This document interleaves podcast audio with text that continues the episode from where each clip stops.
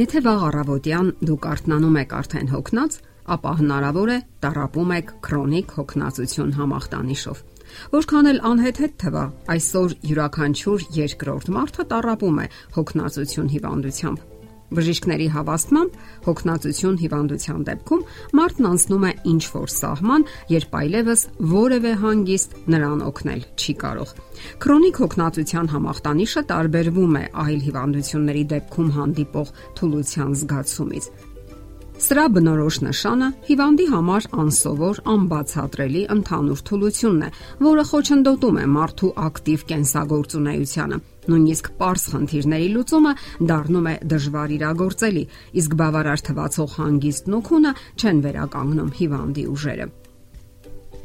Քնի խանգարումները հանգեցնում են ցերեկային հոգնածության։ Հիվանդները անկողնում ավելի շատ ժամանակ են անցկացնում, քան առողջները, բայց նրանց քունը անարդյունավետ է լինում։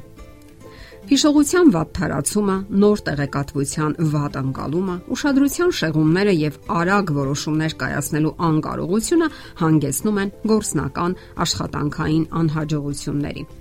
Շատ հաճախ հիվանդների մոտ առաջանում է դեպրեսիա, հուզական անկայունություն, վատ տրամադրություն, Ընդհանուր թուլությունից եւ արագ հոգնելուց բացի հիվանդները հաճախ գանգատվում են գլխացավից, մկանային ցավից, քաշի անկումից կամ ավելացումից, երբեմն նաեւ ջերմության աննշան բարձրացումից։ Գիտական հետազոտության տվյալներով այս համախտանիշը հանդիպում է հիմնականում 25-ից 50 տարեկան ակտիվ պատասխանատվության բարձր զգացում ունեցող կանանց մոտ եւ հազվադեպ երեխաների ու մեծահասակների։ Կան կանայք, ովքեր հակված են անհանգստանալու աշխարհում արկա յուրաքանչյուր հիմնախնդրի համար, եւ նրանք բնականաբար ունենում են քրոնիկ հոգնածության մշտական զգացողություն։ Նրանք չեն կարողանում թուլանալ եւ հաճույք ստանալ կյանքից աննշան, բայց հաճախակի տհաճությունները մշտական սթրեսներ են նրանց համար։ Լուծումը մեկն է։ Պետք է ազատվել աշխարհի հոգսերից եւ չնկատել փոքրիկ տհաճությունները։ Մինչև այսօր պարզված չեն այս հիվանդության առաջացման պատճառները։ Ֆրանսիական Express շփաթահանդեսը գրում է, որ հոգնածությունը չի առաջանում որևէ որոշակի բանի հետևանքով։ Ամեն ինչ փոքր առ փոքր հոգնածություն է կուտակում։ Մարդկանց 30%-ը պնդում է, որ հոգնում է որևէ տրանսպորտային փոխադրամիջոցում անցկացրած ժամանակահատվածում, 15%-ը հոգնում է աշխատավայրում ծանրաբեռնվածության հետևանքով։ Սակայն մասնագետների պնդմամբ ամեն ինչ շատ ավելի բարդ է եւ քաղաքակրթության այս հիվանդությունը զուտ ֆիզիկական պատճառներից զատ ունի նաեւ հոգեբանական եւ ֆիզիկական դրթիչներ։ Վատն այն է, որ այս հիվանդության բուժումը սխալ է կազմակերպվում եւ տանում է հետագա բարդությունների։ Շատերը մարմնի ուժերը խթանելու համար օգտագործում են խթանիչներ, որpիսի լրացնեն կൂട്ടակած էներգիան։ Մասնագետներ Լենլին եւ Մարիսոնը հայտարարել են, որ խոշոր ընկերակցությունների աշխատակիցները մեծապես կախված են խթանիչներից։ Դա կարող է լինել սուրճը, ալկոհոլը, ծխախոտը եւ բազմազան դեղամիջոցներ։ Քրոնիկ հոգնածության զարգացումը կապված է հատկապես մեծ քաղաքներում բնակվող մարդկանց ժամանակակից ապրելակերպի առանձնահատկությունների հետ։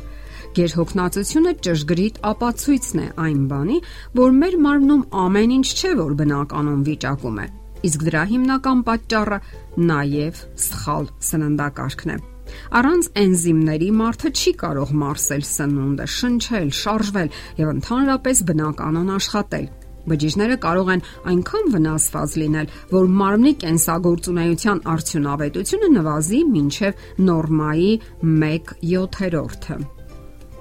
Այս վիճակի բարելավման կարևոր քայլը սովորական ավանդական սննդակարգը փոխելն է։ Հումսնունդը պարունակում է էնզիմներ, այսինքն փոքրամասշտաբ այրման մարտկոցներ, որոնք ընդունակ են նոր կյանքի կոչել հոգնած բջիջներին։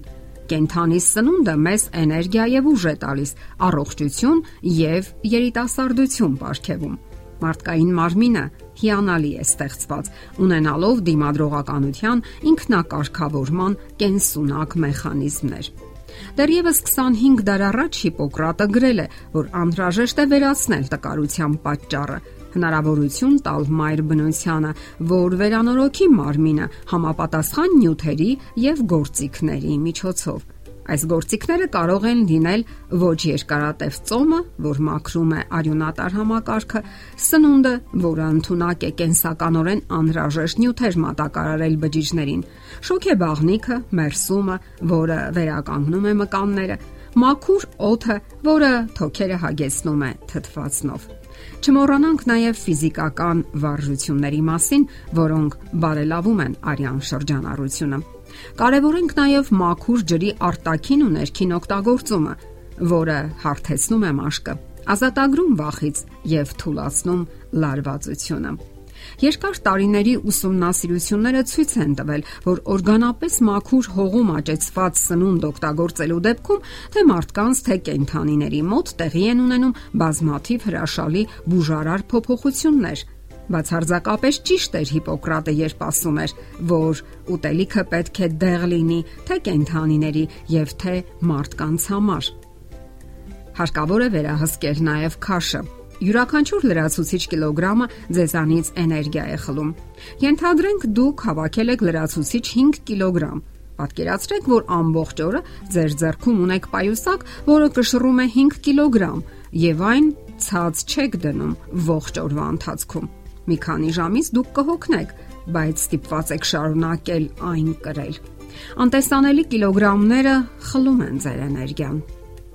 Ասենք որ հոգնածության պատճառները միանգամայն վերահսկելի են, եթե միայն ունկնդրեք ձեր մարմնի ձայնին։ Շատերը փորձում են հոգնածությունը թոթափել հերոստացույցի առաջ։ Գիտնականները ապացուցել են, որ հերոստացույցի առաջ 1 ժամ նստելու փոխարեն դուք կարող եք կատարել 144 քայլ։ Հերոստացույցի արչև նստած ժամանակ դանդաղում է ձեր սրտի աշխատանքը եւ նյութափոխանակությունը։ Սահմանեք այդ ժամանակը եւ զբաղվեք որևէ արդյունավետ աշխատանքով։ Նույնիսկ շուղագործությունը ավելի մեծ արդյունք կտա, իսկ առավել եւս զբոսանքը։ Վայելեք ձեր առույգությունը, ձեր օրինակով եւ կենսախնդությամբ վարակեք նաեւ ուրիշներին։ Հիշենք, հիվանդ մարդը միայն խղճահարություն եւ կարեկցանք է առաջացնում, իսկ ահա առողջություն ճառագող մարդը ուրախություն եւ պայծառ տրամադրություն։ Եթերում առողջ ապրելակերպ հաղորդաշարն է։ Ձեզ հետ է Գեղեցիկ Մարտիրոսյանը։ Հարցերի եւ առաջարկությունների դեպքում զանգահարեք 094 08 2093 հեռախոսահամարով։ Հետևեք մեզ hopmedia.am հասցեով։